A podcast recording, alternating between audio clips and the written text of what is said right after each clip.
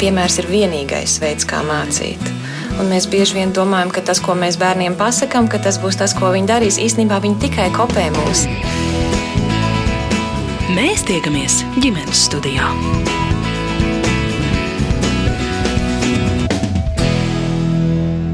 Labdien! Mani sauc Mairits Notiņa, un es dodos uz Liepāju ciemos pie Kristīnas Austeres ģimenes.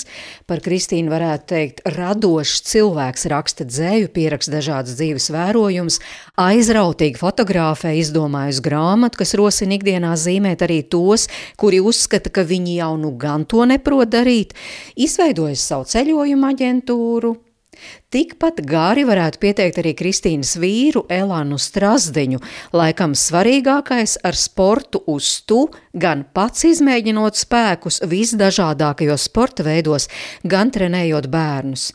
Viņi ir divu meitu, četrgadīgās Odrijas un gadu un septiņus mēnešus vecās Rebekas vecāki, un sarunā neslēpi, ka ceļš līdz atvašu sagaidīšanai bijis ilgs un grūts, bet Kristīna uzsver, tas stiprinājis viņu laulību un līdz saprast, kas tiešām svarīgs dzīvē, kas dod gandarījumu un spēku dzīvot no visas sirds.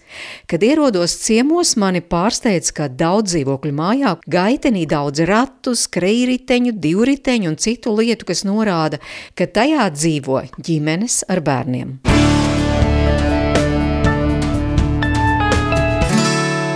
Meklējot 11. dzīvokli, kurā jūs dzīvojat, man piesaistīja uzmanību tas, ka ļoti daudz divriteņu, ratu, ratu ragavu. Šī māja absolūti neliecina par to, ka Latvijā ir kaut kādas problēmas ar demogrāfiju. Atbrauciet uz Republikas ielu 16, jo tikko, tikko nav pat vēl mēnesīts jaunākajiem iedzīvotājiem. Man liekas, ka katrā dzīvoklī ir kāds mazulīts, ar kuriem mēs kopā augam, gaidām viņus. Un tik mainām ratus no viena izmēra uz otru izmēru. Interesanti, ratu ziņos mēs varbūt arī bijām viena no tiem, kas uzsāk šo labo lietu un, un piemēru rādījām. Un, Kādā un ziņā? Tādā ziņā, ka bija vairāk tādu pamatskolas bērnu, varbūt uh, vecāki bērni, un kad mums piedzima Odrija, un tad, uh, kā saka, mēs priecāmies, smējamies, ka mums arī būs doma biedri no citiem kaimiņiem. Un to arī, kā jūs minējāt, varējām redzēt pēc ratiem, tā, ka mums ir viena, divi ratiņi.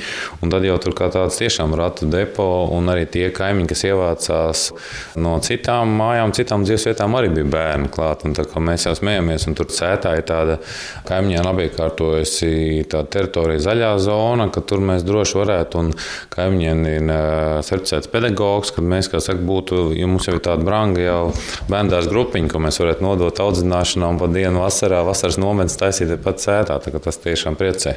Nu, kā tas ir? Tiešām tie bērni arī kopā spēlējas, iet ārā, nu, kā vecos labos laikos, ka visi izgāja pagalmā un draiskojās. Un saka jau, ka tāda laika ir pagājusi. Nē, nē, te tieši man arī patika, kad bija tāds brīdis, kad mūsē jau vēl ir maziņas, gluži viņas vēl nelaiž ārā, viņiem jāpaugās, bet tie, kas tagad jau ir kaut kādās 5, 6 klasēs, tie tiešām uz trepēm spēlējās, bija veikali un nāca mājās un bija jāpalaiž garām. Man bija bērnībā tāpat, es laidu kaimiņus garām, un man liekas, cik forši, ka tepat jau vien viss ir, tas laiks uzmet loku, bet viss ir tieši tāpat. Tā, tā kā jā, tepat arī gāja kam patīk, kam nepatīk Helovīnos kaimiņi, visi viens otram mēs tā kā ejam un, un, un dodam tās končas un ko nu kurš un dāvaniņas uz rokturiem Ziemassvētkos kādi no tā. -hmm. Man liekas, jā, jā, tā ģimen, ģimenes. Tam, ka kopā mēs redzam, ejot uz darbu vai nākot mājās, kad ir ar krītiņiem apzīmēts bruģīts vai asfalts. Tas arī liecina to, ka mēs redzam, kopā viņi zīmē, darās, kopā viņi riteņiem daudzās. Un jūs redzat, ja ir tāda zaļāka zona, mums nu, neliela vēl nav apbūvēts, un arī tur viņi spēlējas, un ir kur to darīt. Un pat dzirdam, ik pa laikam nāc mājās, jāēd, kā mums kādreiz bērnībā mammas pa logu sauc, kur jūs esat, jānāk ir paēst. Tas ar tā liecina par to, ka viņi kopā spēlējās un, un ir negluži Vārnīlas republika, kur ir filma, jā, bet mums republikas ielas bērni. Jā. Bērnu vecāki arī savā starpā tā draudzīgi. Es gribētu teikt, ka jā, jā. īpaši kam tie mazlīši mēs satiekamies, aprunājamies kā kam, jo mums tieši virs mums dzīvo desmit dienas vecāka meitenīte par mazāko mūsējo. Es gribētu te, ka jā, arī iet tie citi ciemos, mēs diezgan komunicējam. Jā. Jo tie stāsti ir dažādi. Mēs kādreiz pat ģimenes studijā taisījām raidījumu par to, ka tieši ģimenes, kurās ir mazi bērni un kur dzīvo daudz dzīvokļu mājā, pēc tam saņem no kaimiņiem sūdzības, kāpēc jūsējie tur tik skaļi un traucē un sauc pat policiju un visādi ir. Nē, es maz nedzirdu kaimiņus jāatzīst. Jā, tā ir redzēt, kur ir biezākas sienas. Un, protams, kad, kad mums vēl nebija bērni, tad dzirdējām, ka nu, pa dienu tur noskrien kaut kas, ir klusāks brīdis, vai kaut ko tu darbojies, vai tu lasi kaut ko mājās. Bet mēs saprotam, ka tas pats, ko mūsu bērni arī drasē no viena stūra uz otru, un viņš jau paprasa to skreitenīt pa istabu, tad mēs, kā saka, to saprotam, apzināmies. Tomēr kopēji mājas iedzīvotāji ievēro to, ka pēc pulksten arī desmitiem, arī bērni jau guļ, un viss ir tas klusais, tas miera brīdis. Nav tik. Tiešām šī ir tāda. Tā nebija aizdomājusies, bet es iedodu titulu kaut kādā ģimeniskākā māja liepā. Jā, kur es, jā, es atļaušos šo skaļi paziņot šajā brīdī. Es noteikti, ja būtu tāds konkurss, šeit gan attiecību ziņā nekas vispār nav nekāds ne, ne strīdu vai kaut kā tāda, man liekas, ļoti tiešām forša vieta, kur dzīvot. Jā, un to jau varētu vēl vilkt tālāk mainīšanās ratiņiem vai, vai tām ragavām. Riteņus, riteņus, velosipēdus, ka izaug. Tas arī viss te notiek. Un mēs darām un piedāvājam, zinām, ka piedzima tikko bērniņš, arī piedāvājam to, kas mēs... mums liekas jau kas paliek pāri, kur ēdināšanas rati. Lielā meita dāvana izvēlējās mazajam augustiņam, teica, ka, jā, nu, ka mums to vairs nevajag. Mēs aiznesām, klauvējām pie durvīm un, un jā, kā, jā, jā, jā, tas viss tā notiek.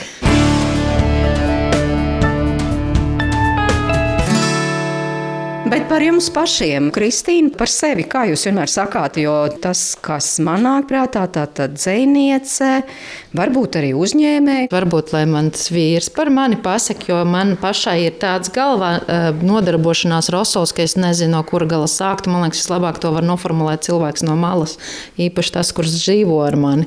Tā kā es Es pati gribu dzirdēt, tas brīdis to dzirdēt. Jā.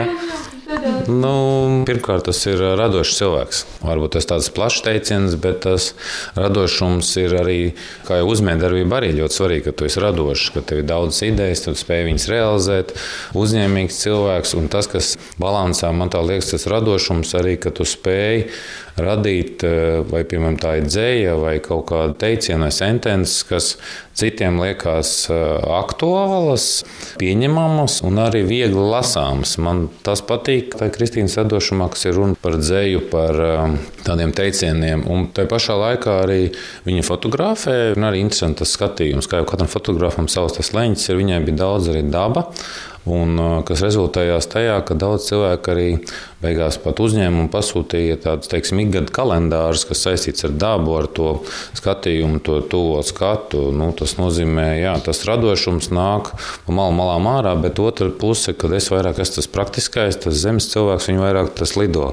Viņi tur pa gaisu, un tā mēs, liekas, viens otru papildinām. Un tā otra puse, ko es kā viņai dodu, ir tas sportiskais gars, vēlme iet ārā, vēlme darīt aktīvas lietas, jo es vairāk vairāk tādas daudzreiz ekstrēmākas, ar kaut kādu mocītu izzinu vai ko, bet tur atkal saskatām, kad apstājamies kaut kur jūras malā vai krastā, atkal viņi uzreiz redz to skatu, to vidi, kad grib nobildēt un izjust. Un tad tāds mikslis sanāk, bet tas viss kopā atkal, tas radošums, tas uzņēmējs gars, tas fotogrāfs beigās arī man liekas, nu, pat pēc uh, izglītības un dzīvē pedagogs, ja, sākuma skolas pedagogs un tā vēl liela aizraušanās, kas ir Kristiem, teiks, ir tā zīmēšana, gleznošana un šīs lietas. Un arī tagad pēdējā teiksim, lieta, kas radīta, ir tāds. Uh, iespēja bērniem, jauniešiem, cilvēkiem, kuram zīmēt, radīt no tādiem tā pavadieniem, tādu iedrošinājumu to darīt. Un tas ir saistīts ar visām šīm lietām. Varam to tāds... kaut kur redzēt. Jā, četri mēneši tikai ir kopš pirmās grāmatas. Šeit ir mans pavisam parādi, varbūt Jā. tukšais eksemplārs pavadienam, bet man ir jau izdots A4 izmērs pavadienu grāmatā. Grāmata ir pamanīta un jau arī tulkota uz Vāciju lielāks metiens ir aizgājis tieši krāsu terapeita darbā.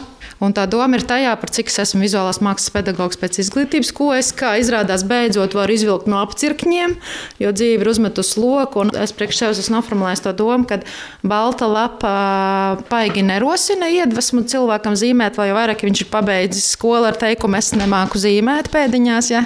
Tā, diemžēl, lielākā daļa rekurmeita tieši izvilka mm. lielo grāmatu. Viņai ir savu pavadienu. Un tie pavadieni tagad es arī skatos. Tajā, viņi tā kā rada tādu impulsu, tu saredzi kaut kādu tā, tādu ļaušanos tā līnijai, un tur nav nekādu noteikumu, kaut kādu precizitāti vai kaut kas. Tas var būt jebkas.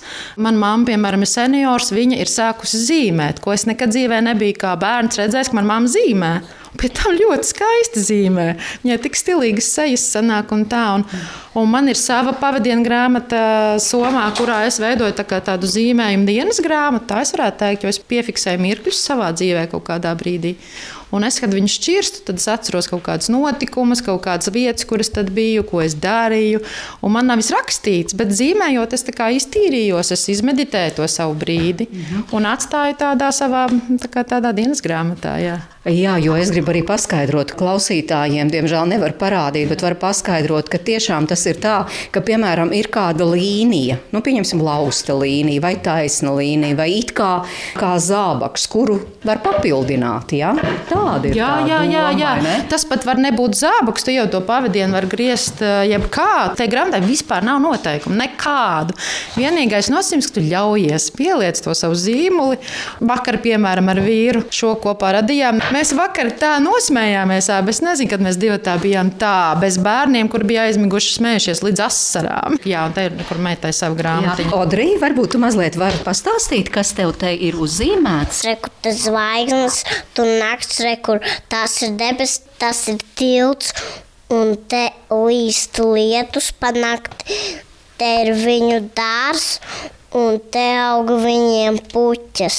Lai gan sākotnēji uz lapas bija viena taisna līnija, viena tāda viļņota līnija un viena lausta līnija. Un redz, ko Odrija to papildināja, izveidojās tiešām vesela glezna. Bet tas, ko jūs te zīmējāt divatā, ko jūs tur sazīmējāt? Divatā mēs mēģinām, ka kāds uzvelk pirmo līniju, kāds paturpina tās līnijas, un tad jau katram ir savu domu galvā. Un beigās arī tas, kas ir uzvilkts šeit, bijis ar to sākotnējo viļņoto līniju, ir viena lieta, un tad beigās ir tas rezultāts, un mēs atkal nesakām viens otram, kas ir bijis, kas nav. Un tad interesanti pēc tam aprunāt, ko tu ar to domāji, kas bija tas, kas tev ienāca prātā. Un tādā veidā beigās mēs nonācām pie zemūdens pasaules. Bet tajā pašā laikā, varbūt kas tur sākumā bija, mēs neteicām. Tas, tas atkal tādā ziņā ir interesanti, kāds ir tas uh, sākotnēji ideja, un beigās arī divatā to darot, arī radās vesels stāsts. Un atkal tie domu gājieni, mēs esam tik dažādi cilvēki, ka mēs izprotam viens otru, iepazīstam, ko ar šo. Citreiz pat nevajag vārdu pateikt te ir tas pats pavadiens un ir cits rezultāts. Mhm. Kas tas būtu šis te, kas ir uzzīmēts? Jā, viļņot līnija. Viļņot līnija, ka šeit tas ir papildināts un ir iznākusi aita, un šeit, kā jūs teicāt, zemūdens pasaule. Jā, tā kā tas var būt viss. Jā, un es esmu arī cilvēks, kurš ir ļoti, ļoti savā darbā visādi citādi saticies gan ar bērniem, gan ar visādi vecuma cilvēkiem.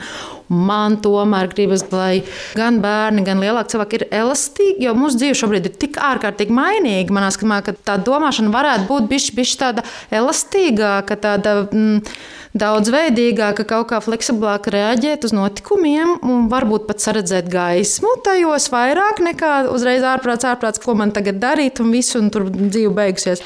Un tas pavadiens rosina tieši to, mm, jo mēs, piemēram, kaut kādā divatā zīmēt, es domāju, vienu, viņš uzvelk citu, man uzreiz ir jāizdomā kaut kas cits, jo tas, ko es biju izdomājis, vairs nestrādā.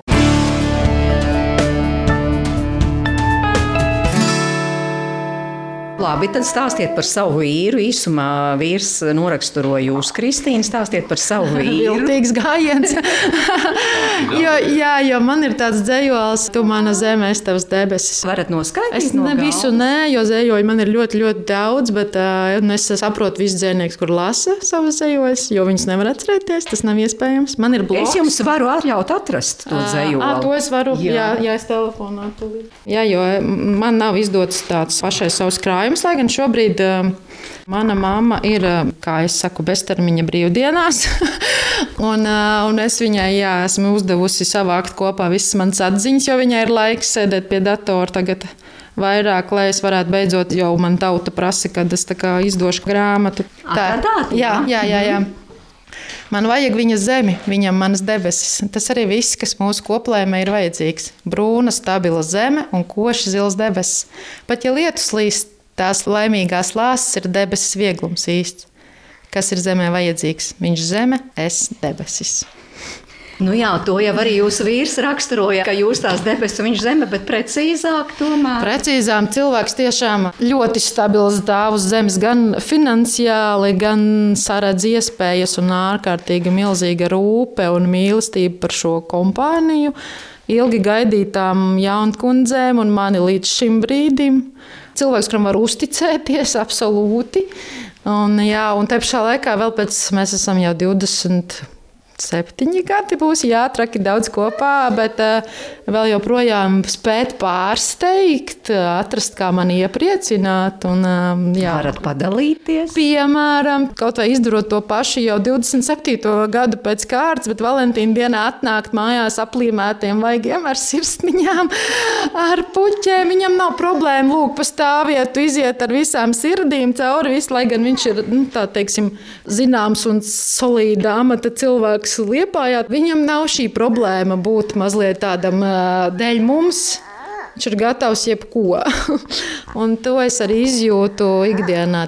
Un viss sportā, un visi ceļojumi ir tieši caur sportu. Mēs visu darām, teiksim, tā nevis vienkārši tāpat, bet dēļ kaut kā, kaut ko darot, kaut kur azarts tas mums ir kopīgs, mums vajag visu kaut ko uzvarēt un piedalīties. Un tā ļoti, ļoti daudz kopīgi. Jā, tad ir gan tās debesis, gan zeme, gan daudz kopīgā īstenībā.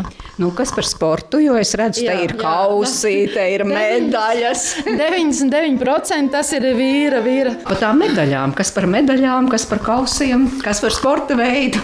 Ar ko lai sāk? Tādā ziņā sports ir jā, viss man dzīve, sākot no 5 gadu vecuma. Pamatā tas ir lielais tenis kurš arī paralēli ir bijis kopā ar basketbolu, tādā no profesionālākā līmenī. Un jau, nu, jau ir jau vairāk kā 25 gadu arī pieredze kā trenerim un ar dažāda līmeņa gan bērniem, gan pieaugušiem trenēts. Un, cik es tā kādu brīdi paskatīju, man liekas, ka vairāk kā tūkstotim cilvēki esam tās prasmes nodevis tālākas, tenisa prasmes. Un tad daudzas lietas ir hobija līmenī, kā kērlings, kā kiteboards, arī surfošana. Ziemā es esmu certificēts slēpošanas treneris, arī tā kalnu slēpošana ir tā lieta. Un pat hokeja nesu smādējis, kā saka, ir arī bijušas amatieru līmenī medaļas.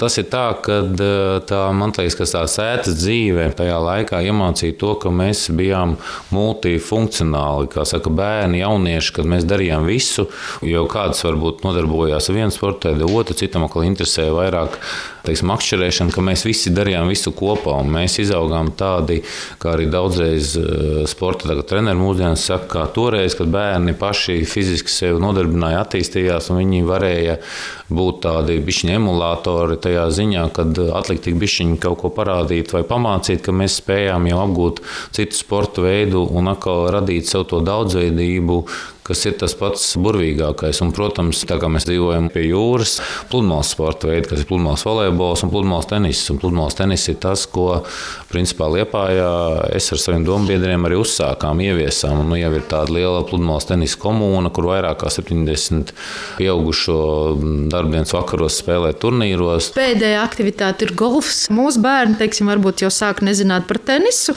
kas ir bijis visu viņa gandrīz dzīve, tad uh, golfu jau meitenes ļoti labi labi zina.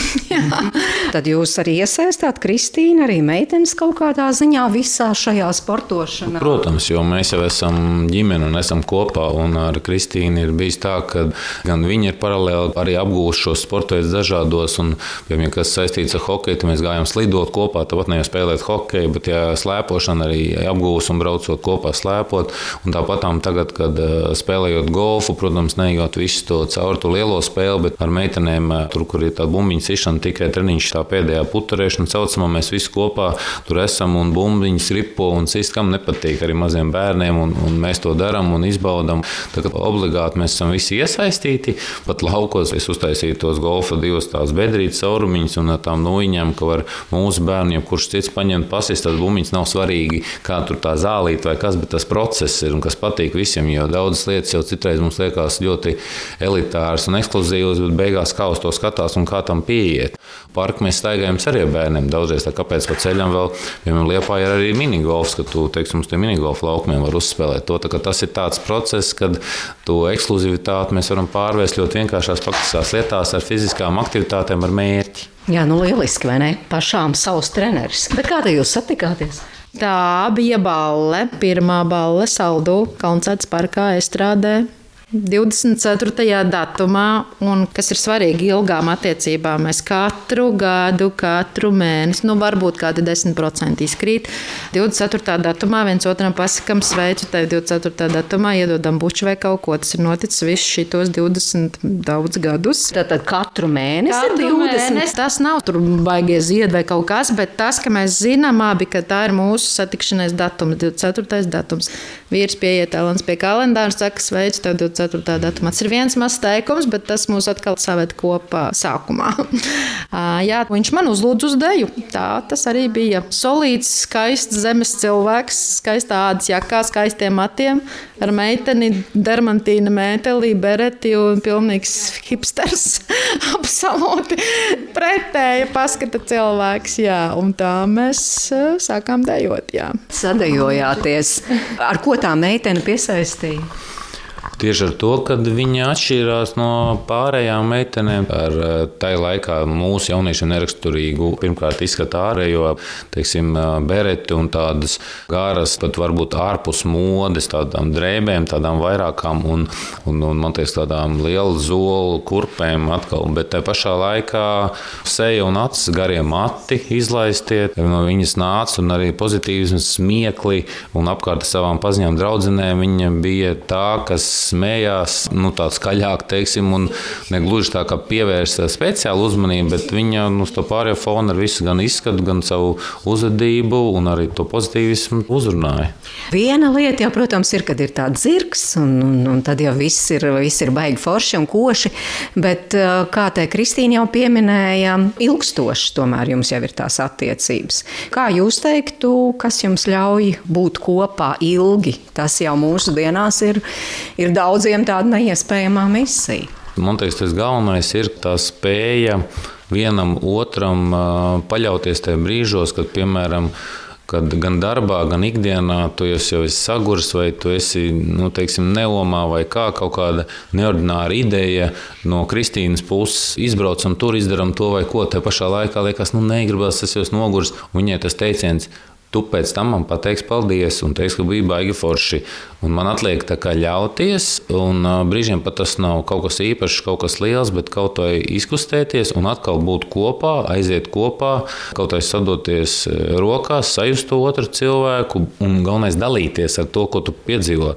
Tā pašā laikā kaut pretēji spēj dot arī tās savas spējas un maņas un lietas, kad kaut vai uzaicinājums aizējām iedzert kapučīnā nu, no tās ikdienas rutīnas, vai nevar, vai kad mazie jau ir jau kādu brīdi noveduši līdz kādai nu, tādai bišķiņai nevisai garīgai, pozitīvai noguruma situācijai. Un tas ir tas, ka mēs viens otru teiks, spējam papildināt. Un arī negaidot to, ka obligāti ir sarunāts, vai dienā to darīsim, vai ko, bet tieši tie nestandarta izaicinājumi. Pieminēta elastīgā domāšana. Jā. Pamostoties, man nav, teiksim, ka dienā jānotiek tā vai tā. Man ir kaut kādas idejas, kas tur varētu notikt es esmu absolūti elastīga notikumu pavērsieniem. Un tā ir tas, kas ļauj, kā, ah, ok, tā arī var, labi, daram tālāk, vai tāpat jau bieži vien ir kaut kas, kas manā darbā vai kaut kas pats, nu kāpēc tā, tas. Tam tā, tā tad tas nozīmē, ka būs kaut kāds labāks risinājums, un visbiežāk tā arī ir. Tas arī tas, ko jūs minējāt, kad pazūd saka, tās rozā brilles. Būsim reāli, arī mēs esam gājuši cauri tādiem, kā saka, jau gadi iet un mainās un pielāgojas. Varbūt kāds brīdis ir tāds, kad nu, jā, nav varbūt tik interesanti vai kā, bet atkal tā spēja atrast to, ka tās rozā brilles jau ir kritušas, to nestandartu, to ieinteresētību, kad viens otram esam interesanti vēl ne tikai varbūt kā pat vīrs un sieva, bet vienkārši kā draugi, kā, teiksim, pēc tam kā kurā brīdī mēs spējam, nav tā tikai, tu man sieva, es tavs vīrs, ir tur pienākumi un tā tālāk, bet otrādi no tā, kad mēs esam interesanti un vēl spējam arī ārpusē, teiksim, būt draugiem un ar, ar kolēģiem veidot, darīt, pat Kristīna arī rada spēles un atrakcijas gan ģimenē, gan arī, teiksim, tas ir daļai biznesa tas ir tas, kas rada to interesi. Jā, tu man vēl esi interesanti, jā, es Tev arī vēl ir interesants, ka mēs varam kaut ko dot viens otram, nevis ka viss ir izdzīvots un meklējam kaut ko citu. Tas ir tas, nu, spēja būt arī radošam. Jā, vēl viena ļoti, ļoti ir uzticēšanās, absolūti uzticēšanās visu to laikā, jā, kad uh, palaišana. Nav tā, kur tu ties, ko tu darīsi, vai nu, šitie visi kaut kādi absolūti tāda brīva cilvēka sajūta, ka mēs esam kopā, bet tajā laikā divas personības, kuras dzīvo īstenībā arī katrs savā pasaulē.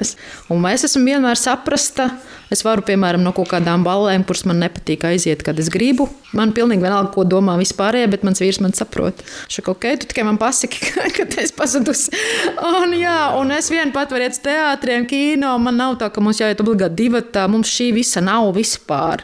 Absolūti tāda brīvība tajās attiecībās. Ja interesanti darām kopā, tas ir tavs, ok dari tā un tā. Jā, man liekas, šis ir ļoti būtiski tieši tā uzticēšanās. Un, teiksim, manas labsajūta, es nelieku visu uz, uz kopīgām darbošanām, man ir pašai savs un man ļauj viņas veikt. Es gribētu domāt, ka arī otrādi tā ir. Bet raidījuma laikā skan arī dziesmas, divas dziesmas, kuras izvēlas eh, mūsu raidījuma viesi. Šoreiz tie esat jūs. Kas tās būs? Es pajautāju mūsu meitai Jodrijai, un eh, mums ir tāda viena dziesma no pieneņa vīns, bet lielā meita neko nezina par mūsu attiecībām ar šo dziesmu. Viņa mums izvēlējās to vienu dziesmu, citu, kur dzieda Elizabete par satikšanos uz Miera ielas. Jā, tā ir jauna, jauna dziesma, man liekas, nesen izskanējusi. Es pateikšu, kāpēc es atbalstīju meitas izvēli, jo es šo dziesmu izdzirdēju pirmoreiz tieši vīra izpildījumā, nevis oriģināla izpildījumā. Pavisam nesen no darba viņš ienāca istabā un vienkārši koridorā sāka man dziedāt to dziesmu, to piedziedājumu. Es nezināju, ka tāda dziesma vispār eksistē pasaulē. Tas izklausījās tik mīlestības pilni, man līdz asarām likās, ka Dievs kā var kaut ko tādu dziesmu vispār zināt. ja tas viss trāpīja mūsu mīlestībā un atkal mazais mirklis, kurš mūs satuvina un atgriež pie kopā. Un to mums savēd īstenībā tas, kāpēc tas radās. Mēs braucām ar Odriju no baleta mājās, bijām mašīnas un rādījos skanēja šī dziesma. Un Odrija tā, kas saka, apstājamies pie mājas, saka, ne, noklausīsimies šo dziesmu. Nevis iesim ārā pusceļā, un mēs noklausījāmies. Es jau viņu dungoju kopā, nāktām ar viņu kopā augšā pa trepēm un dziedājām kopā. Un ienākot istabā, jā, es kaut kādā dabīgs bija mirklis, kad es sāvīju šos vārdus ar to situāciju, par ko dzied eh, dziesmas autori, un es viņus savā izpildījumā veltīju Kristīnai.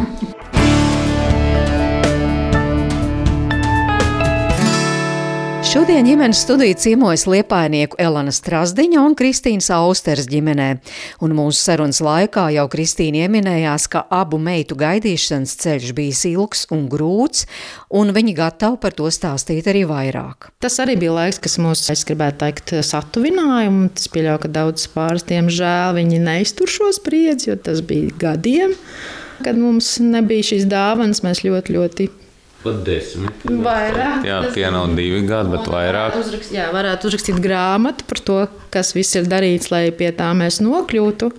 Bet gala rezultātā mums Dievs uzdāvināja dabiskus bērnus. Pirmo bērnu uzdāvināja man tikai 36 gados, jau drīz 37. Tas likās nopietni pēc visa šī, kas ir bijis. Un, uh, pirmais bērns 23. nedēļā piedzima, pat piedzemdēju laimīgs. Nu, Es biju laimīga viņai pateicoties tam, ka es vispār biju mamma. Sagaidīju brīdi, kad viņa kustējās, puncīja meitenīte, piedzemdēja, un viņa arī uzreiz nomira. Un uh, aizgāja atpakaļ. Es arī redzēju gaismu, aizejot, gan viņa tur elpināja, viss tur bija. Bet es biju laimīga, jo man bija tā dāvana kaut reiz mūžā būt vispār mammai, izjust, kā tas ir gaidīt bērnu, kustības, dzemdēt galu galā. Un, jā, un tas arī bija brīdis, kas mūs satuvināja, jo tas mums bija jāiziet kopā. Tie ir tie mirkļi, kas sasien vēl vairāk, jo mēs kopā tam gājām cauri. Jā. Tad Dievs uzdāvināja vēl vienu mazu, mazu dvēselīti, kur arī aizgāja. Un tad lūk, šīs divas skaistules, kuras jā, bez vīra un bez jāatzīst arī manas mammas atbalsta, nebūtu tik viegli, jo tās gaidīšanas bija grūtas, smagas. Gipaši mazākais bija ļoti smags, smags, smags ceļojums, bet jā, mēs esam laimīgi. Bet kā jums tas izdevās? Teicāt, tomēr ir ģimenes, kas to neiztur, ir ģimenes, kuras nesagaida, nespēja tik ilgi gaidīt. Es tā kā caur savu prizmu varētu pateikt, ka es pārsvarā 99% notikumos saredzu gaismu, un arī mm, vecākās meitas, ir ar mums. Audrija zina, kad mums ir māsa debesīs, jo mēs viņu redzējām, viss tur bija. Un satikām, kad es tajā visā vienalga saredzu gaismu. Tas ir sāpīgi, tas viss ir traki. Es ieraudzīju realitāti vispār, kas notiek ar mamām, kad aiziet cilvēks īpaši slimnīcās, ka tur nav neviena psiholoģiska atbalsta. Mani tajā brīdī vispār atstāja vienu pašu 12. stāvā, pilnmēnesis naktī, bez žalūzijām, ar tikko mirušu bērnu un bībeli kastītē. Un izdzina vīru, neviens vispār nedrīkstēja pie manis būt. Tad, uh, Es esmu pateicīga tam, ka es esmu šeit, jo es ticu, ka tur ļoti daudz māmas neizvilktu šādu spriedzi. Šādā notikumā. Bet tam palīdz tā mana uztvere, ka es vienalga tam cilvēkam, kurš bija pie manis un aizgājis, nenormāli pateicīga vēl šodien par to, ka man bija šī pieredze. Un, tā mana uztvere, jā, kad es tajā nesaredzēju tik lielu traģēdiju, cik savu laimi būt par to. to jo galu galā nu, mums piedzimstot, neviens neko baigi uz zemes šeit neapsolīja. Un neviens nav pateicis, ka vai mirkli gara dzīve vai simts gadu gara dzīve ir vērtīgāka. Es to uztvēru kā mirkli gara dzīvi kur man darīja laimīgu, un jāatzīst, dara vēl šodien. nu, tā. Jūs to arī tā varat uztvert ar tādu gaišumu. Mm, es, kā saka, šīs lietas arī viņas man pavēlk līdzi. Es ieklausos, es uh, bieži arī par to domāju. Un, uh, Par to praktisko pusi, tas, ka tas mums satuvināja, vai vēl stiprāks darīja, tā es piekrītu. Jo daudzreiz ir jāiziet kaut kam smagam cauri, lai saprastu nu, tās īstās vērtības. Varbūt ja? nevis tas, kas tās blakus vērtības, vai tās momentānās, vai tās materiālās un tā tālāk, bet ir tas, kas ir tā vērtība būt kopā arī, nu, kā jau mēs laulības eh, teiksim, solījumā sakam, gan priekos, gan bēdās. Un, un, un tas ir tas pārbaudījums, ko daudz neiztur. Tas nav viegli. Arī Mums ir bijušas daudz dažādas sarunas un, un, un runāšanas, bet eh, tas, kas priecē, tā atkal tā ticība tam labajam un ticība tam, ka to visu var vērst ar kaut kādu pieņemto vērtību, to pieredzi. Nu, varbūt ne brutāli salīdzinot arī jebkuru dzīves pieredzi vai darbā vai, vai, vai teiksim, ģimenē vai kas atkarīgs jau kā tu izmanto to pieredzi. Vai tu viņu izmanto, lai vairotu kaut ko vai uzlabotu, vai tā pieredze tev ir, bet tu viņu vienkārši neizmanto. Un tad, attiecīgi, jau, jau iekšēji, gan ārēji ir jau tā savienība. Nevis tāpēc, ko es tagad skriešu vai ko darīšu, bet uh, ir jāsaprot, es arī tā kā praktiskais, tādā ziņā, ka, manuprāt, tie augļi, ja tu vairāk eh, strādā pie tā, jo tu vairāk investē tādā praktiskā ziņā, ka višķis biznesa pusi vērsta, arī ir daudz saldāki un daudz eh, vērtīgāki. Un, un tā spēja to panākt un sadarbojoties arī ģimenē vai biznesā vai darbā, ir tas, kas veicina, mudina un agri vai vēlu ir arī tas apbalvojums. Vēl es eh, nebaidos dalīties ar savu dzīvi vai kaut kādiem tādiem notikumiem, un es dalījos arī toreiz. Un, uh, man daloties, gan pašai palika vieglāk, gan tas, ka man ļoti daudz mammas rakstīja, paldies, ka tu par to stāsti. Jo tas ir katrai otrai sievietei, un nav nozīmes, vai tas ir seši mēneši, vai deviņi mēneši, vai septiņas nedēļas. Ārprātīgi daudz, bet ļoti daudz sievietes to nesā klusi, klusi sevi. Un es par to runāju, un viņām palika vieglāk. Viņas ļoti daudz man rakstīja personīgi. Paldies tev! Ka viņas arī var par to vēl joprojām nekautrēties. Un, jā, un es arvien biežāk šobrīd arī lasu publiski, ka jau man ir tik un vēl tur ir debesīs, un tā, jo nu, tā ir daļa manis. Un gal galā, kāpēc lai es to slēpju, jo tā esmu visa es. Un tagad arī jūs dalāties par sevi, rakstāt par savu dzīvi, arī par savām meitām. Un var jūs cik ļoti jūs izbaudāt to, ka esat mamma. Nu, man bija ļoti jāgaida.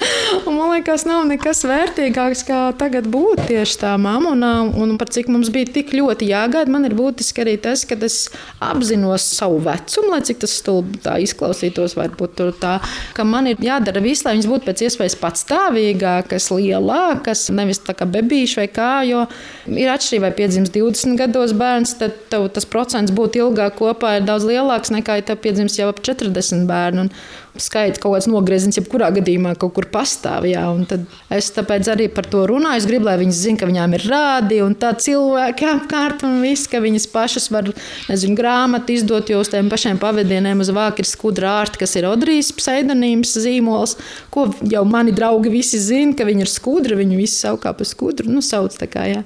Un viņi arī to zina. Tā ir tā mūsu kopīgais bizness. Un, jā, es viņu iesaistu tais, visos procesos, lai viņa tāda liela un forša, jau jā, tāda patstāvīga meitene.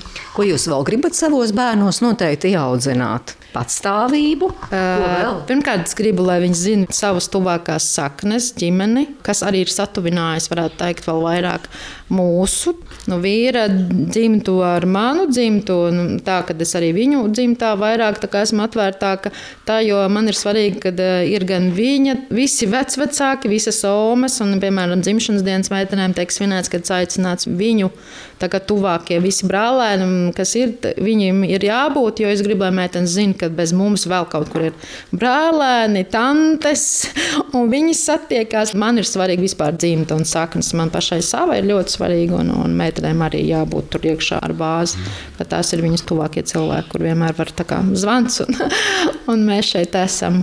Un, protams, kaut kā tas tā pati domas, tas vieglums, elastīgums, gaišums, kaut kā tajā ticība labajam. Tā kaut kā tās ir tās manas. Kas jums šķiet svarīgi? Kāda no tām meitenēm jāizauga? Nu, viņām katrā gadījumā jāsaprot, ir tas um, nu, mīlestības uh, un ģimenes siltums un būtība. Jo kā nekā viņas kādreiz ir taps par mamām, un tās vērtības, lai arī spētu nodot saviem bērniem, veidojot savus ģimenes. Ja? Un, protams, būt aktīvām, būt eh, radošām, ko jau to radošumu mēs redzam, kad mamma ļoti veiksmīgi nodod.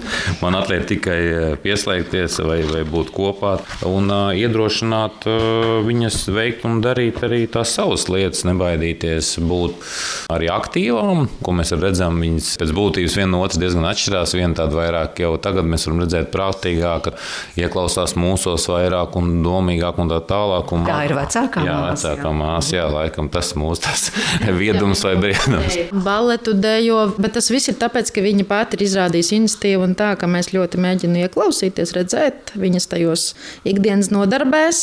Mums redz, ah, tā šitam tel. Un tā viņa spēlē klavieres, piemēram, ja viet mūzikas skolā otro gadu, jā, viņa jau māka ar abām rociņām. Un es tiešām lepojos, jo es apzinos, šeit tad jau jāiekniebj, ka tiešām četri gadi tikai. Bet eh, jā, tas cilvēks ir kaut kā un eh, nenodalot kaut kādu konkrētu vecumu. Tā varētu teikt, ka kaut kas, kad viņai ir aktuāli, taram. Viņa grib, viņa saka, es gribu angļu valodu mācīties, sameklēsim, sameklējam, mācāmies angļu valodu. Jā, cilvēks grib, tad lai tas viss viņai tur ir un tiek. Jā. Otrija, nāc pastāst, kas tev pašai šobrīd šķiet visinteresantākais, ko tev vislabāk patīk darīt? Zīmēt zīmējumus. Zīmēt tomēr vislabāk, jo māma stāstīja, patīk tev arī dejot, tev arī patīk klavieres spēlēt, angļu valodu mācīties. Un man arī vislabāk patīk vingrot. Viņa arī sakomponēja dziesmu. Jā. Tas ir vēl viens tāds mazs knifiņš, kas, tiksim, ja līdzās, kāds sanāks, tagad sev paslēpšu, bet kāpēc ne? Ja bērns, piemēram, muzikāli skandē kaut kādu tādu tā kā fragment no dziesmas, es esmu tieši tik izglītot, lai noķertu šo fragmentu, sarakstīt notīs, un, jā, un šogad Ziemassvētkos pie muzikas skolā visi bērni dziedāja viņas dziesmu, mēs kopā radījām tekstu, mūsu skolotāja aranžēja mūziku, un bija jau skudras dziesma izskanējā. Varbūt, ka skudra var kaut kā nodziedāt mums to dziesmu vai kādu pantiņu skudra. Viņa aizskrēja pēc savas dziesmu grāmatas. Ah, jā. Ko tu tagad meklē? Nošu grāmatu. Tad varam tad palūgt tev to tavu dziesmiņu, kuru tu sakomponēji. Tikai vārdus es nācu. Bet tu nospēlēji tagad, un mēs atradīsim vārdus. Nu,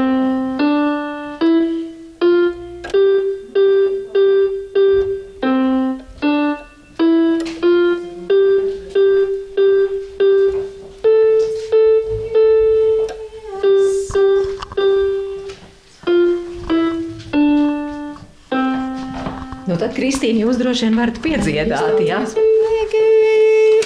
Esam mēs, svētki ir klāt.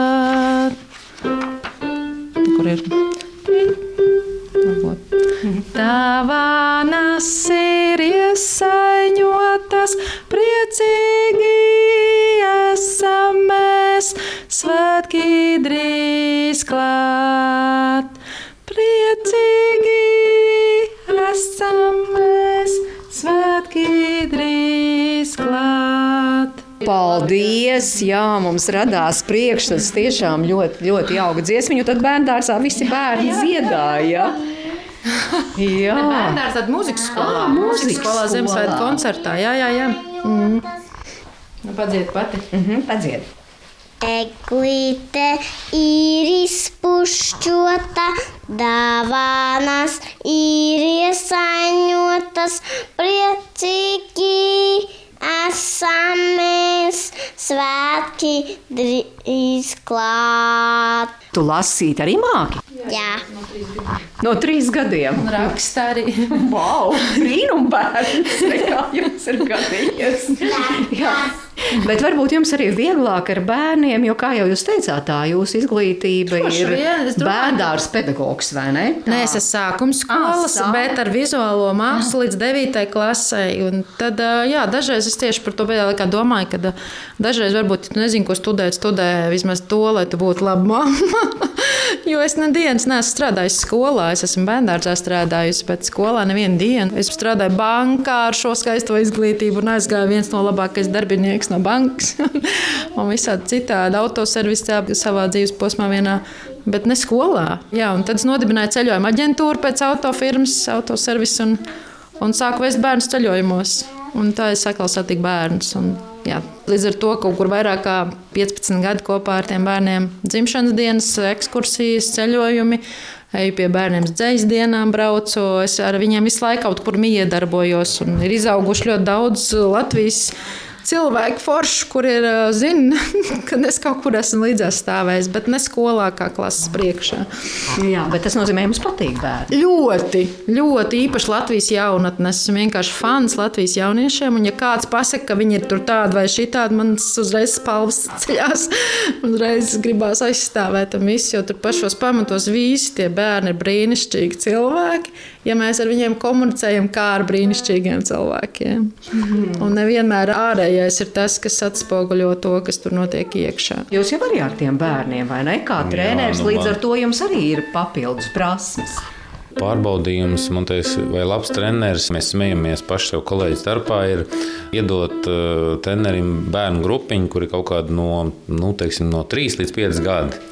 Un tad uh, mēs redzam, vai tie bērni saka, pielīp tam trenerim, vai nāk viņam klāt, un viņu redz jau kā tādu, tādu vienu no savējiem, vai tādu elku. Un tas nozīmē, ka tu vari būt viņu skolotājs, treneris, pedagogs un arī draugs. Un tas ir pamat, pamatā. Un, un tādā ziņā to tik man kādreiz teica un norādīja. Tev jau tie bērni līp klāt, tu ar viņiem uzreiz atrod to valodu. Un vienmēr, kad mēs arī, kad mums pašiem nebija bērni, mēs bijām pie draugiem. Es nezinu, kāpēc bija tā, ka Kristīna varēja atpūsties, varēja baudīt to kompāniju, visu, bet es visur vienmēr ar tiem draugu bērniem noņēmies, visu laiku viņiem spēlējos, viņi mani izmantoja, man tas viņiem patika, es ar viņiem tur rāpoju, ņēmos, darījos, bet viņi, kā saka, dzēra vīnu, baudīja kūku, protams, es pēc tam ar to dabūju, bet es biju kārtīgi jau, kā saka, pastrādājis kā auklīte, ja, gandrīz tajos vakaros, un tas arī nav beidzies tagad, un es to izbaudu, jo kopā ar mūsu bērniem, protams, jāpiesaista arī draugu un uh, bērnus un visu kopā. Es esmu tas, kur tās rotaļas notiek un darās. Tas man ir jau arī kaut kā no bērnības, jau vai, vai, vai ģimenē, arī manā ģimenē bijis, kad mēs esam tik bijuši mīlēti un arī kopā būšana ar uh, ģimeni, iešana ārā, slēpojot ziemā, vasarā sportojot, darot kopā, spēlējoties. Man ir kontakts labs, to es tagad apzinos ar viņiem, bērniem, jebkuru, un principā varam atrast tādas lietas, ko darīt kopā. Un, un daudzreiz pat nezinu, citu varbūt smējās, vai saka, ka nu, jau mums pār 40, bet viss tās ņemšanās, ķiķināšanas, darīšanas, ja man tas nāk kaut kā dabīgi, un tas bērns jau to jūt, un, un tādā ziņā daudz savus draugus paziņas, jo saka, ko tu vari ņemties tur viņiem, apmēram, bet man nav jāpiestrādā pie tā, tas tā nāk. Jūs tā izdzīvojat vienkārši šo mirkli, šo brīdi no visas sirds, vai jūs tomēr kaļat arī kaut kādas nākotnes plānus kā ģimene? Absolūti, jā. Man jābūt ir kaut kas, uz ko tiekties. Jā, jā, jā. Man ir vīzijas visādas, ne visas es izstāstu. Varbūt ir kādu, ko kas ir interesanti, kad es tieši man piepildās tās, kuras es neizstāstu, bet ļoti stipri par tām domāju. Vai, piemēram, lauku mājas mums ir nesen ienākušas, pateicoties Covid laikam, pie jūras. Kas man likās mazliet nereāli. Mājas laukos bez kaimiņiem, pie jūras, tādas plašas, bez dīķiem, jo tad jau bija pirmā meitiņa piedzimusi. Un, uh, pirms tam mēs braucām kaut kādas mājas, kaut ko skatīties. Bet es arī esmu cilvēks, kurš ļoti dzird savu sirdi. Ļoti. Un citreiz vīrs saka, ka būs jau labi. Viņš no praktiskās saka, nav ritīgi, nav, nebūs labi. Un sirds saka, nav tā, nav mūsu vieta. Un tā viņš, nu, labi, pagaidām. Un tad tu pagaidi. Un ir, un viss, un viss sarazanāja, puķis ir divas plauks, un tu esi mājās, un mums ir lauku mājas pie jūras, bez kaimiņiem, viss tieši tā, bija tikai jāpagaida. Palabošu ar ļoti labiem kaimiņiem, bet ne tiešā veidā Nu, pa logu tā, blakus. Tādā ziņā. tā. Jā. Lai nav tā, ka- Bet par to, ko jūs prasījāt no savas puses, tiešām ā, katru brīdi, katru vakaru vai pēc darba izbaudu to mirkli, kad ā, ar vienu vai otru es paspēlējos un ar prieku es sēžu un skatos, es mēģinu nofotografēt, nofilmēt, kā jau viņas abas kopā spēlējās, ko es tur varu darīt. Un, uh, tas ir tāds, ka tādu filmu skatīties un mēģināt sev saglabāt tos failus. Tas ir tiešām tā mirkļa burvība, tā izdzīvošana. Bet tajā pašā laikā, protams, uh, es kā praktiskais arī plānoju, redzu un inicēju kaut kādas arī attīstības, kas, protams, saistās ar viņu vēlmēm, ar uh, praktisko izglītību, ar sportisko. Un, un tāpat jau arī domājam, teiksim, man patīk tas arī Amerikas princips, ka gandrīz jau piedzimstot bērnam, tu jau arī investē krājkontā, domājot par viņa nākotnes izglītību, kas, kā jau kapitālismā dzīvojot, arī ir jāmaksā par izglītību. Bezmaksas izglītība tā ir tikai, kā mēs zinām, līdz vidusskolai. Un tālāk, lai tā viņam iedotu to pamatu arī tālākai viņa dzīvē, tajā nākotnē. Ja, jo tas, kā saka, paskries ātri tie gadi vai laiki, tā kā bildēju, fotografēju, cik varu tādā apšatā nozīmē, un, un, un, un, un skatos un priecājos, un, un kopā baudam tos mieklus, un kādreiz arī kādu pūnu, protams, ja, un to es daru simtprocentīgi, bet domājot arī par nākotni. Lai jums izdodas tas, ko jūs nepateicāt par nākotni, un tiešām novēlu no sirds, to jau jūs arī darāt, bet no sirds izdzīvot tos mirkļus, kuri jums tagad ir doti. Bet dziesma, Rīmdari, arī man tu ziedoni, tur mazliet ir reps, un tad ir tas piedziedājums. Kā skan piedziedājums? Odrī. Laiks pie tevis man jāizvedīs. Un, ja neredzēsimies, tad tiksimies tur, kaut kur. Šī būs mūsu otrā dziesma, jā, un atkal ir mazs ievads, kāpēc šī dziesma. Mm, Iztēlamies situāciju, braucam četratā tumsā, ziemā mašīnā no Nīcas uz Liepāju.